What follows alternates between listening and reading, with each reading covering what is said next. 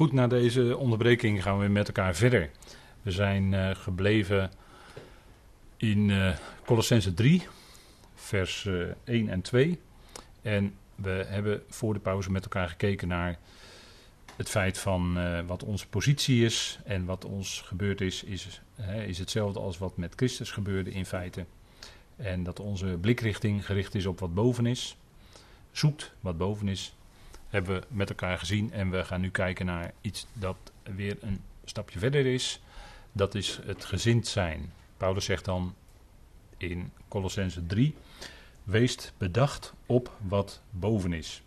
En dan voegt hij er nog aan toe: niet op wat op de aarde is.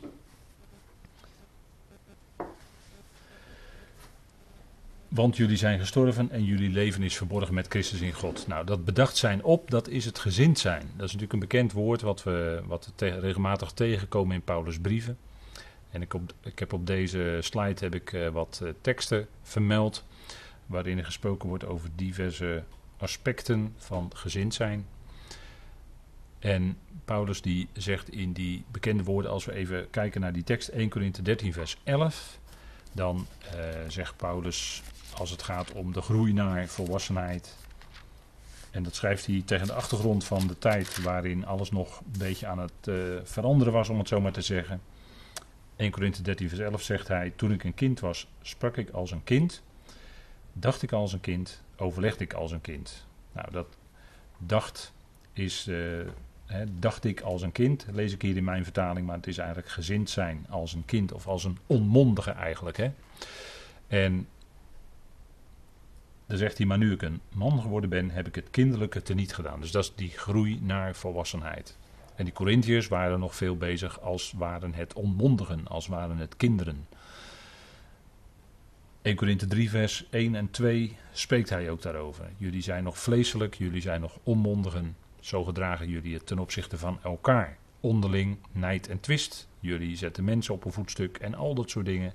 Maar dat is allemaal vleeselijk. Dat is niet geestelijk.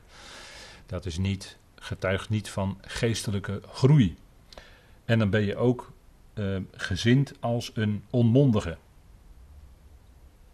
Nou, Paulus die zegt daar nog iets meer over, over gezind zijn. En dat is dan één brief verder, 2 Korinthe 13 vers 11. En daar zegt hij,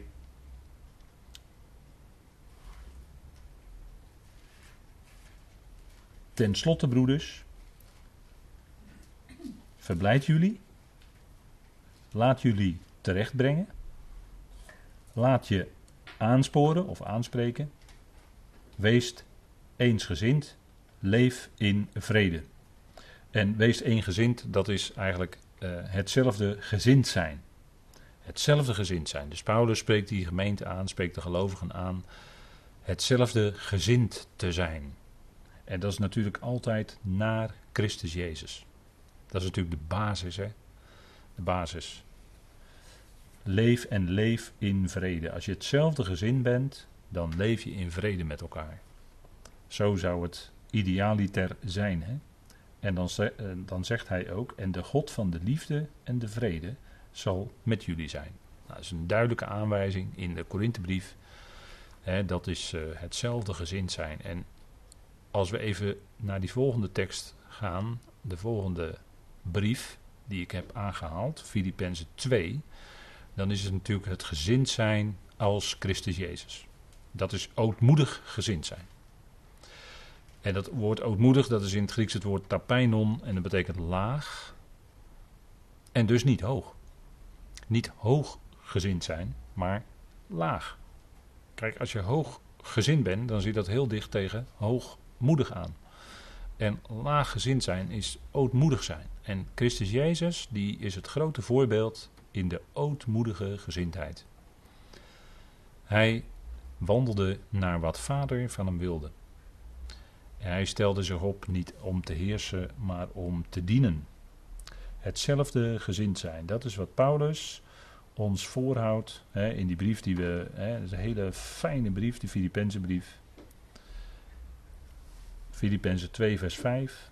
Daar staat: Laat immers deze gezindheid in jullie zijn, die ook in Christus Jezus is. En dat gezindheid in jullie zijn is eigenlijk gezind zijn, letterlijk. En dat is die ootmoedige gezindheid. Hij is verootmoedig geworden, vers 8. Hè? Hij heeft zichzelf verootmoedigd en is gehoorzaam geworden tot aan de dood, ja, de dood van het kruis. Dat is de gezindheid van Christus, ootmoedig. Hij was in de vorm van God. En hij heeft dat achter zich gelaten, om het zo maar te zeggen. En hij is ootmoedig geworden, zelfs tot de dood van het kruis. Dat is een diepe vernedering. De dood van het kruis. Als iemand dat nooit had verdiend, dan was het hij wel. De dood aan het kruis was een dood voor misdadigers, voor rovers. Die waren ook met hem gekruisigd. Slaven. Maar hij kwam in de vorm van slaaf. Hij diende. Maar niet, hij was niet letterlijk een slaaf, maar hij, kwam in de, hij was in de vorm van slaaf. En hij is aan de mensen gelijk geworden. Dus die ootmoedige gezindheid, Filippenzenbrief, dat is het voorbeeld voor ons als gelovigen voor deze tijd. Die zo gezind zijn. Ootmoedig zijn. En uh, dat is toch uh, de, uh, een, een, een, andere weg, hè, die, om het zo maar te zeggen, die we dan gewezen worden. En Paulus die zegt ook, hè, en dan springen we even naar het volgende hoofdstuk, hoofdstuk 3, want daar spreekt hij ook over dat gezind zijn. Hè, dat houdt hij ons ook voor. Vers 15. Wij allen dan die gerijpt zijn, laten wij deze gezindheid hebben.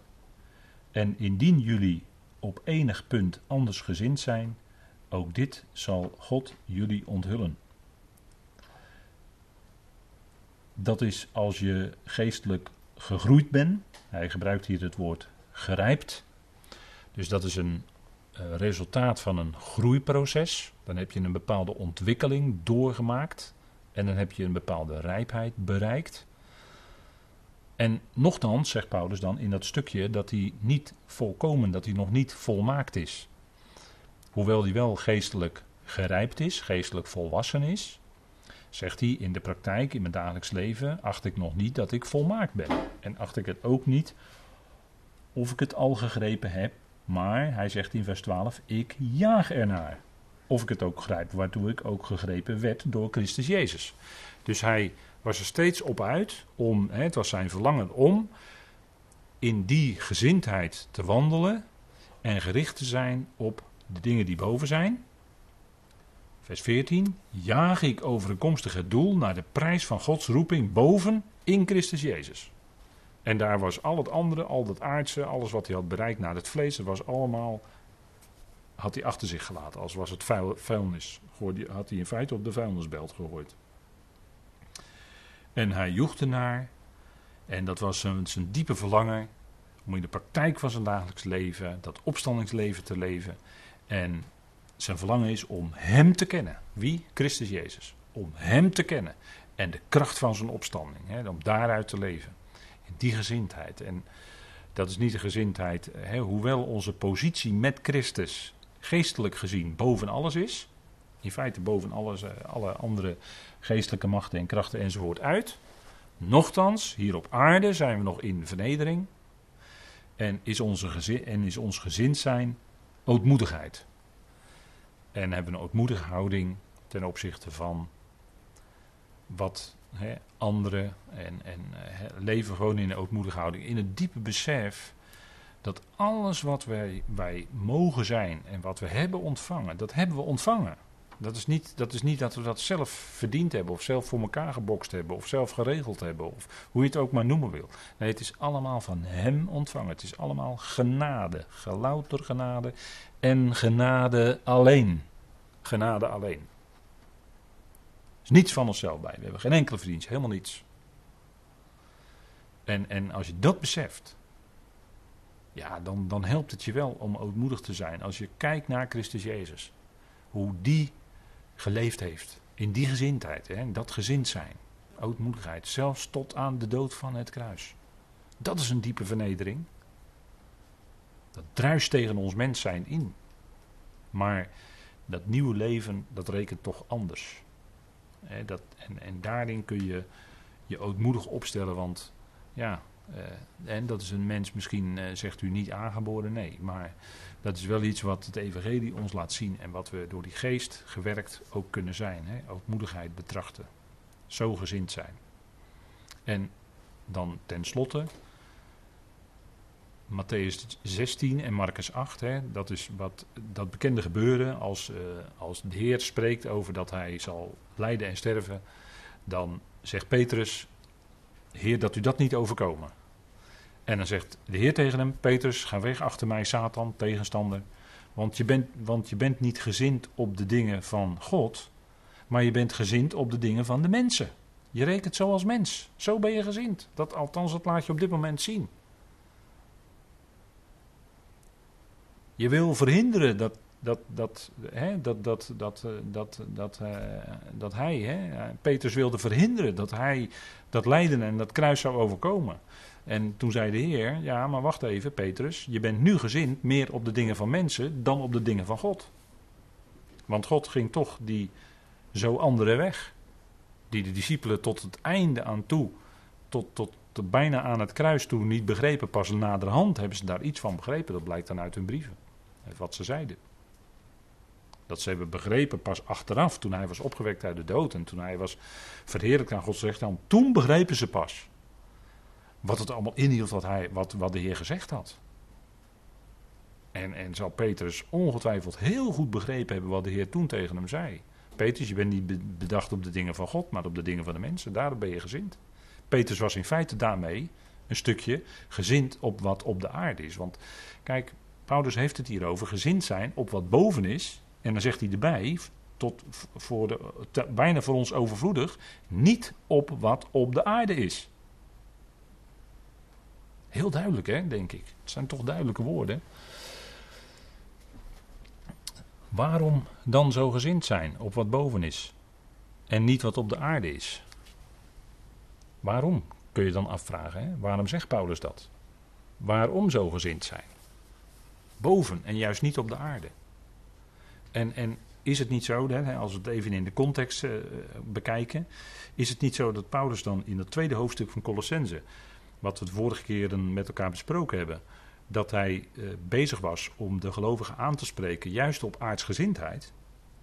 He, waarom laten jullie je alsof je in de wereld leeft allerlei dingen opleggen? Raak niet, smaak niet, roer niet aan enzovoort. Geboden en leringen van mensen.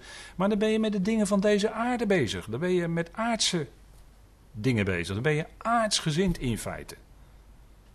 En de, Paulus die zegt, daar ben je aan voorbij.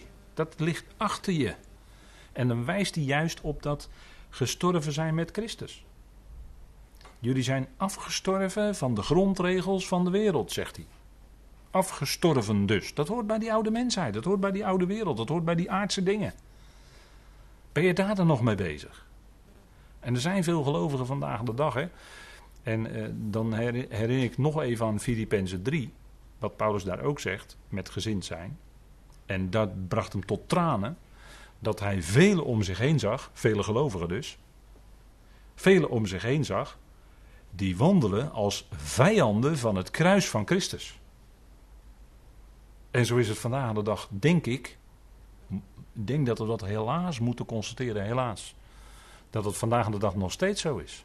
Dat velen gezind zijn als, als waren ze vijanden van het kruis van Christus. Ze zijn geen vijanden van Christus. Ze zeggen ja, nee, ik heb de Heer lief. Jezus is voor mijn zonde gestorven aan het kruis enzovoort. Dat herkennen ze allemaal van harte. En toch in de praktijk wandelen zij dan als vijanden van het kruis van Christus. En daarmee zijn ze in één adem, zegt Paulus dat, in Filippenzen 3, vers uh, 18, want velen van wie ik jullie vaak sprak, nu echter spreek ik ook wenend, wandelen als vijanden van het kruis van Christus.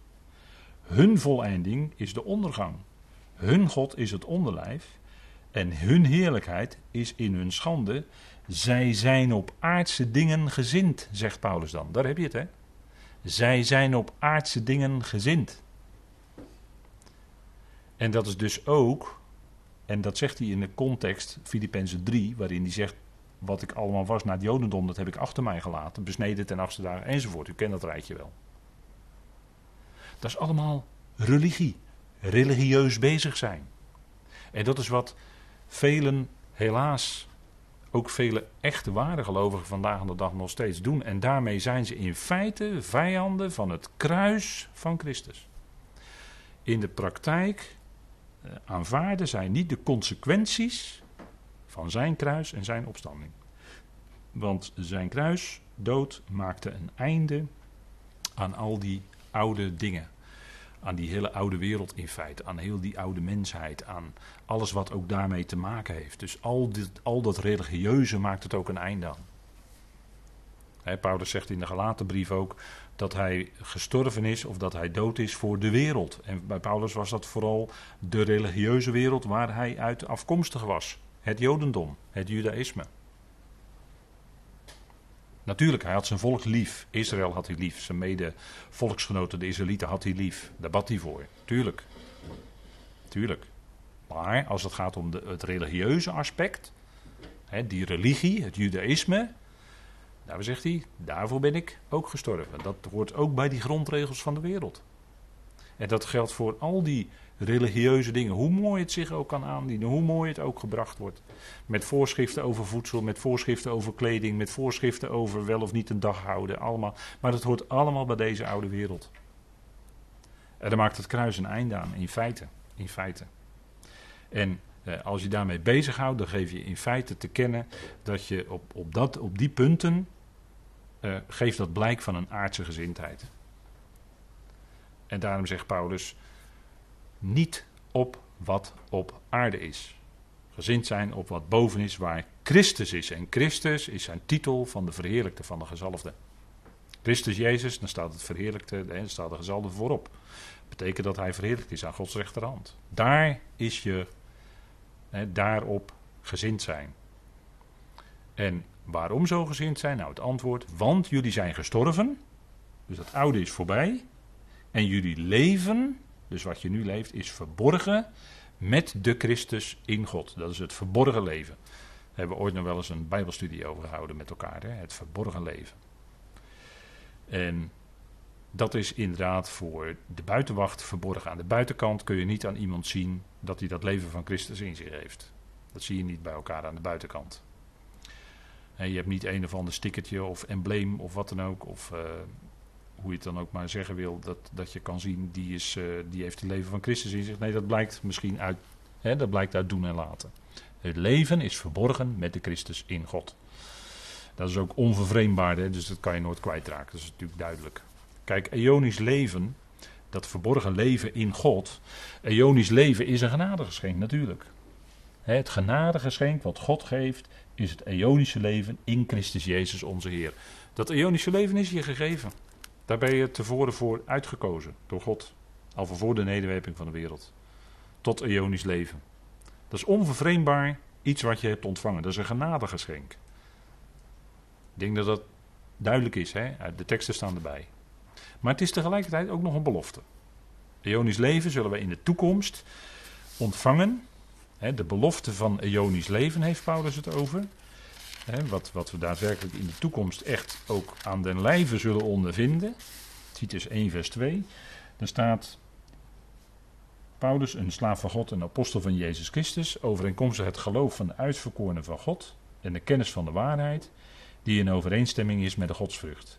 In de verwachting van het eonische leven, dat God, die niet liegen kan, voor de tijden van de eonen beloofd heeft. Voor eonische tijden beloofd. En hij heeft dat op de door hem bestemde tijd in zijn woord geopenbaard. Dus dat eonische leven was ons al beloofd voor eonische tijden notabene. En daar hebben we deel aan. Dat heeft hij beloofd. En dan zegt Paulus erbij, God die niet liegen kan. En in vers 1 had hij het over kennis van de waarheid. Dat is de God die niet pseudo is, staat er dan. de a-pseudes God. God die niet liegen kan, die altijd waar is en die dus ook de waarheid spreekt. Daarom is Gods woord zo betrouwbaar en is dat de waarheid, dat zijn de feiten. En die belofte van eonisch leven, die is ons gegeven. In Christus Jezus. Dat is dus onvervreemdbaar, dat is een genadegeschenk. Dat, is ook, dat noemt Paulus ook het lotdeel van eonisch leven. En dat is ons gegeven, in Hem. Onze verwachting, hij heeft het hier over de, ook de verwachting. In de verwachting, hè, in de verwachting van het eonische leven, dat is ook onze verwachting. We hebben het ontvangen in Christus en toch is het ook nog onze verwachting. In de toekomst, als we levend gemaakt zijn bij de bazuin, dan is voor ons echt de aanvang van volheid van eonisch leven. Vandaar verwachting. En onze verwachting is niet op aarde, maar die van Israël wel. Hebben we bij de laatste Bijbelstudie Openbaring ook gezien met elkaar. In Zacharia hebben we gelezen dat de Heer zijn voeten zal zetten op de olijfberg. Maar dat is zijn komst voor Israël. Zijn komst op aarde. Dat is helemaal Israëls toekomst. Op aarde, aardse toekomst. Wij niet. Wij hebben een hemelse toekomst. Een hemelse verwachting. En we hebben ook gezien met elkaar dat als je kijkt naar het tekstverband in Zacharia, die heiligen die daar genoemd worden, dat de Heer komt met zijn heiligen dat het waarschijnlijk die menigte zijn, die boodschappers, die hem dan terzijde zullen staan in die strijd. En vaak, er wordt wel eens gedacht dat dat de gemeente dan is, maar gelet op het tekstverband daar, lijkt het mij dat je dat niet kan volhouden. Dat niet daarmee de gemeente wordt bedoeld, het lichaam van Christus. Wellicht kunnen we het wel van bovenaf dan zien, maar daar gaat het helemaal om Israëls aardse toekomst. En wij hebben een hemelse toekomstverwachting. Wij komen niet met de bazijn gaan we mee naar boven, hebben we ontmoeting met hem, hè, de ontmoeting van de Heer in de lucht. En dan gaan we te midden van de hemelingen. En dan komen we niet na enige tijd weer terug op aarde. Dat is niet onze belofte. Onze belofte is een bediening te midden van de hemelsen. Boven. En dat is keurig door God zo verdeeld. Gemeente Israël.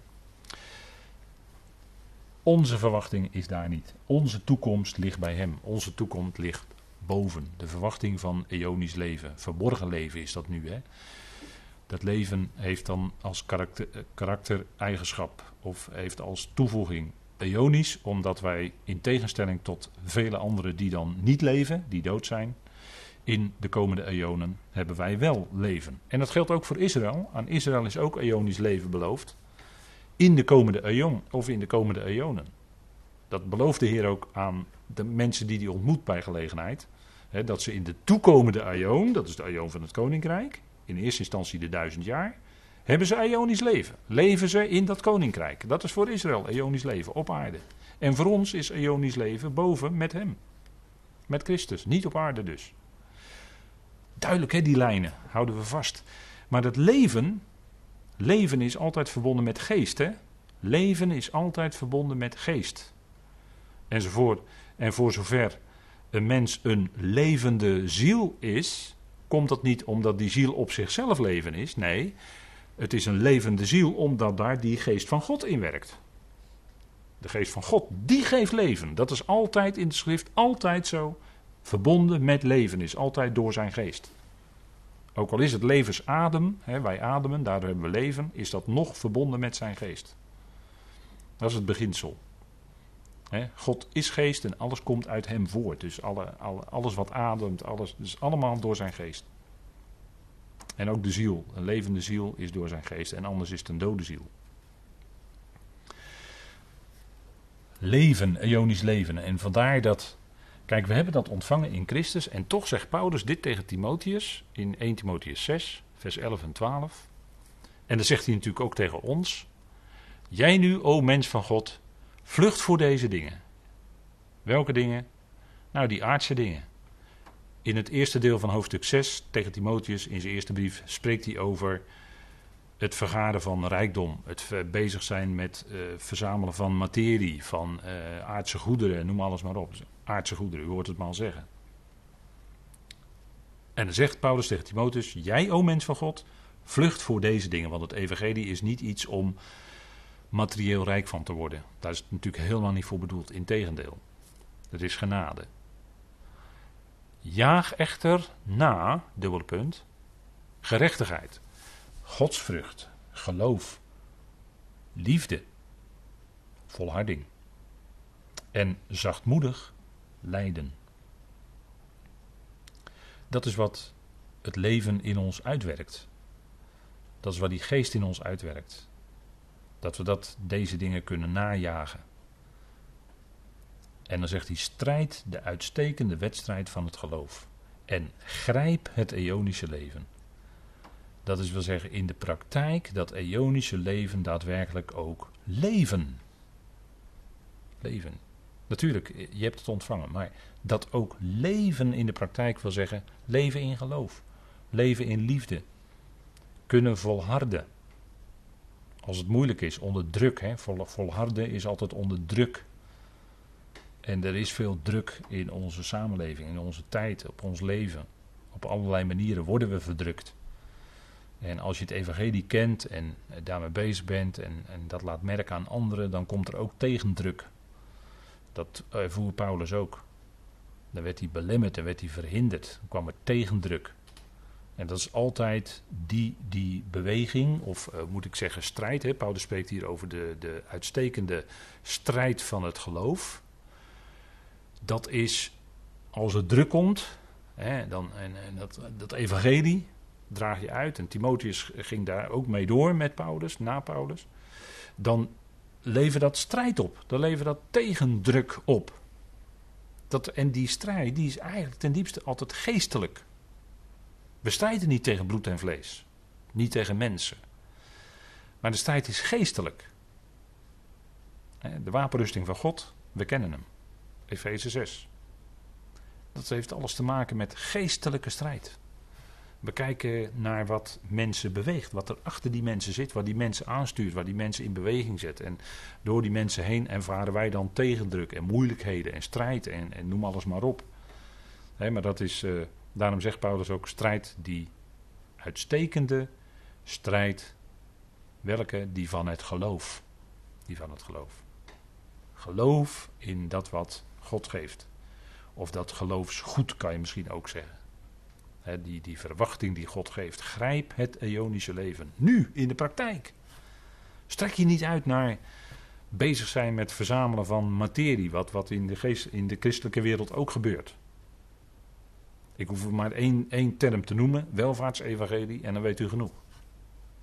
Dat is een streven naar materieel voordeel. Goederen van deze aarde verzamelen. Dat je daarmee goed hebt, dat zou dan christelijk zijn. Als je kijkt naar het leven van Paulus, dan is het toch wezenlijk anders. Het leven van Paulus was helemaal niet.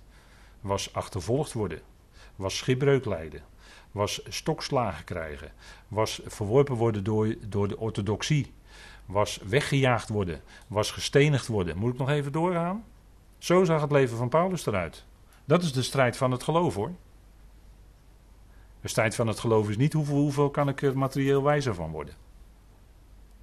Nee, dat, als je dat evangelie uitdraagt, dan is het zo dat er altijd komt de tegendruk.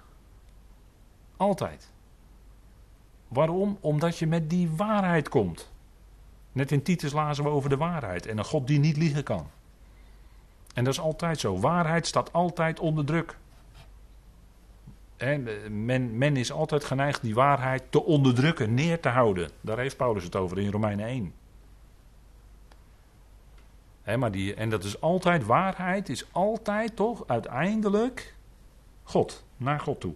Is altijd dat lijntje naar God, hè, waarheid. Dat wat waar is, wat overeenstemt met de feiten. Dat is altijd iets wat, wat aan God gelieerd is, om het zo maar te zeggen. He, waarheid heeft altijd te maken met God. Die waar is. Die de schepper is. Die de bron is van alles. Die de bron is van alle leven. Die het Ionische leven geeft. En, en, en, en dat kunnen we dan ook leven leven in de komende jaren. We hebben nu dat verborgen leven in God, die waar is. Kun je de waarheid weten vandaag de dag? Ja, zeker, zeker kun je de waarheid weten. Ja. Dat is de schrift. Dat is wat in de schrift staat. Dat zijn de feiten. Waar komen wij vandaan? God heeft alles geschapen. God heeft alles geschapen. En, en uh, hoe raar men het dan ook kan draaien in deze tijd, dat bleek mij van de week uit een bericht. Dat er iemand was, of een of andere site of een of andere onderzoeksgroep of zo, die zei dan van uh, al diegenen die uh, geloven dat God de schepper is, dat God alles geschapen heeft, dat is eigenlijk een complottheorie. Nou, toen dacht ik van hoe gek, hoe gek kan je het nou krijgen? Want het argument was, je kan het niet wetenschappelijk bewijzen. Dat God alles geschapen heeft. En dan denk je, ja, kijk, dan zie je dus de omkering van alles. Dat we dus leven in de dagen dat alles wordt omgekeerd, alles wordt omgedraaid. Wat waar is, wordt als leugen bestempeld. En wat leugen is, wordt als waarheid bestempeld. Dus men keert alles om. Men noemt het goede kwaad en het kwade goed in onze dagen. Ik hoef daar geen voorbeelden van te geven, want die kunt u denk ik zelf zo een rijtje opzommen. Maar het punt is, kijk, wat is nou de waarheid? De waarheid is dat God de schepper is. De waarheid is dat God alles geschapen heeft. Deze hele wereld, deze waar we vandaan komen, dat is nedergeworpen en dat is door hem hersteld. En daar heeft hij een plan mee. En heeft een plan met Israël. Dat is Gods volk, dat is de waarheid. Israël is Gods volk, dat is gewoon de waarheid van de schrift. En daar hoeven we niet moeilijk over te doen, dat staat daar gewoon. En dat is betrouwbaar overgeleverd. Ik kan niets anders bedenken wat zo betrouwbaar is overgeleverd dan de schriften. Details daar gelaten. Maar is zo nauwkeurig en zo betrouwbaar overgeleverd. Die boodschap van de schrift. Dat is het woord van God, dat kan niet anders. Dat is gewoon waar. En waar gaan we naartoe? Naar God. Hij staat ook aan het eind. Alles is uiteindelijk tot hem. En, en natuurlijk, mensen worden in een. Hè, dat zijn mensen die zijn in een waan gebracht. Die mensen die menen aan de kant van de waarheid te staan. En ze hebben niet door dat ze, in feite in één grote leugen leven. Hebben mensen niet door. Dat is triest. Dat is triest. Eigenlijk heb je dan met ze te doen. Maar we kunnen God dan dankbaar zijn dat hij jou dat zicht geeft. Hoe het, hoe hoe het zit, wat de waarheid is van zijn woord. Wat, wat waar is, ook in deze tijd. Als die God die waarheid is, hè, dat, be, dat beklemtoont de nacht keer op keer. God is de God van de waarheid. God is betrouwbaar. Hij is trouw. Hij doet wat hij beloofd heeft. Daarachter zit zijn diepe liefde voor iedereen. En dat iedereen dat die waarheid gaat erkennen, komt natuurlijk, het komt vanzelf goed. Al die mensen die voor de grote witte troon staan, die worden ineens met Jezus Christus geconfronteerd. Waarvan ze gedacht hadden dat hij nooit bestaan had, misschien zelfs wel. Maar die worden dan gewoon met, met de Heer geconfronteerd met de waarheid. Worden direct met de waarheid geconfronteerd. Direct na hun dood. Voor hun ervaring. Voor ons konden doen ze ogen open, staan ze voor de Heer. En dan worden ze met de waarheid geconfronteerd. Wat denkt u ervan? Wat dat, dat gaat betekenen. En kijk, dat, dat is gewoon niet omdat, omdat wij nou als mensen, als gelovigen zo zeker zijn. Maar het komt omdat het hier geschreven staat. Dat, dat, dat is gebaseerd op de feiten. De feiten. Daar gaat het om. En feit is dat God liefde is. Feit is dat hij zijn zoon gegeven heeft, die aan het kruis gestorven is, opgewekt uit de dood. Zijn allemaal feiten van het evangelie. Dat is echt zo gebeurd. Kunnen we navragen aan meer dan 500 broeders tegelijk die ervan kunnen getuigen. Nou, wil je nog meer getuigen hebben dan? dan heb je een ijzersterke zaak in de rechtszaal hoor. Als er 500 getuigen zijn die allemaal hetzelfde getuigen. Nou, ik bedoel, dat is, ja, dat is natuurlijk geweldig dat we dit mogen weten. En dat is ook een voorrecht. En dat maakt je als mens heel ootmoedig dat je dit nu mag weten. Dat is ook van God gegeven. En ja, al dat andere, dat, natuurlijk, God gaat het zelf wel rechtzetten. En, en de waarheid komt vanzelf een keer op tafel. Dat geldt voor, voor alles. De waarheid komt gewoon een keer op tafel. Absoluut. En dan sluiten we af vanavond met wanneer, hè, want uh, wij zullen ook met hem geopenbaard worden in heerlijkheid. En dan kun je afvragen wanneer is dat? Er wordt natuurlijk ook veel over gedebatteerd en nagedacht. Kijk, als hij komt, dan komt er een moment dat hij zichtbaar voor de wereld komt. Hè, dat hij zijn voeten zal zetten op de olijfbedden. Dat is zijn verschijning als koning van de koningen en heer van de heren voor Israël en voor de volkeren. Die volkeren weten dat nog even niet, die verzetten zich nog hevig. Maar die zullen ook gaan erkennen dan op een gegeven moment, ja inderdaad, hij is de koning van de koning en de heer van de heren. Dat is een kwestie van tijd. Dat is zijn verschijning zichtbaar voor de wereld. Maar als het nou gaat om ons, hè, wanneer Christus ons leven openbaar gemaakt wordt, dan zullen ook jullie met hem openbaar gemaakt worden in heerlijkheid. Wanneer is dat? Wat denkt u? Bij de bazuin. Natuurlijk. Als wij verheerlijkt zijn en die geweldige ontmoeting is daar in de lucht, dan zijn we ook veranderd. En dan hebben we dus uitstraling van licht. En wat denkt u wat dat betekent als verschijning voor die machten en krachten? Die zullen dat allemaal waarnemen. En die machten en krachten, die geestelijke machten en krachten, die horen ook bij Gods schepping. En dat is dus ons openbaar gemaakt worden in heerlijkheid. Dat is dan. En dat zal zijn uitwerking dan gaan hebben in die tijden daarna, zeker in heel de schepping. de, en, en daar wacht de schepping op, op het openbaar worden van de zonen van God, zegt Paulus in Romeinen 8. maar als het specifiek gaat om ons als gemeenteleden, het eerste punt is bij de bazijn. Dan worden wij openbaar gemaakt met Christus in heerlijkheid. Dat is een geweldig moment. Geweldig om naar uit te kijken. En uh, ja, dat is uh, hè, dat, dat, dat openbaar gemaakt worden, dat heeft te maken met verschijnen. Hè. Er zit, in het Nederlands zit er mooi dat woord schijnen in. En dat, we hebben dan ook een geweldige uitstraling van licht. Want toen Paulus de Heer ontmoet op weg naar Damascus, was het licht. Zijn, die heerlijkheid was te groot. Hij was er drie dagen blind van. Die heerlijkheid was te groot. En die heerlijkheid, hè, wij zullen gelijkvormig gemaakt worden aan zijn heerlijkheidslichaam. Dat zal dus enorme licht uitstralen. Dat betekent natuurlijk enorm veel dan voor die hemelsen. Als wij dan daar geopenbaar gemaakt worden. In heerlijkheid. En dat zal in de toekomst alleen maar te gaan toenemen. En zullen we die genade, dan zullen we die verzoening gaan bekendmaken aan die hemelsen. En dan hebben we een, om het zo maar te zeggen, een hemelse, hemels publiek wat naar ons luistert. En hoe kunnen we dan communiceren? Nou, dat zullen we door de geest kunnen. De, de, de apostelen, discipelen konden immers op de Pinksterdag ook ineens toch door de geest in vreemde talen spreken, die ze nooit hadden geleerd. Nou, zo kunnen wij dan ook de taal daar kennen, en zullen wij die mogelijkheid hebben om te kunnen communiceren met die hemelse machten en krachten. Hemels publiek zal naar ons luisteren, naar wat wij te vertellen hebben. Over verzoening, over genade, over die geweldige God die we mogen kennen. Wat de Heer gedaan heeft aan het kruis. Want dat geldt ook voor hen. Zeg Colossense 1 toch? Dat het ook voor die hemelse machten en krachten is, die verzoening. Nou, dat zullen wij dan gaan. Wij zijn dan ook daar de ambassadeurs. Dan gaan we dat uitbrengen. Dat is ook die heerlijkheid. Dat is ook het openbaar gemaakt worden in heerlijkheid. Hè? Dus dat gaat stap voor stap verder. En, en uh, daar zijn we dan, daar leven wij naartoe. Daar leven wij naartoe. En, en dat, dat leven van Christus in ons, dat maakt dat onze praktijk, hè, dat we in de, in de praktijk van ons dagelijks leven ons anders opstellen dan, kunnen opstellen dan anderen. En dat is, dat is, dat is niet iets wat op ons gelegd wordt, maar dat, dat werkt Hij van binnenuit. Hè? Uiteindelijk is het toch God die in ons zowel het willen als het werken werkt. Dat is God die dat doet. En, en wees daar dankbaar voor dat Hij dat doet in, in jou en mijn leven. Goed, tot zover. Ik wilde afsluiten met een dankgebed. Vader, we danken u dat we over deze geweldige dingen mochten nadenken met elkaar. En dan is het boeiend om ook vooruit te kijken naar de toekomst.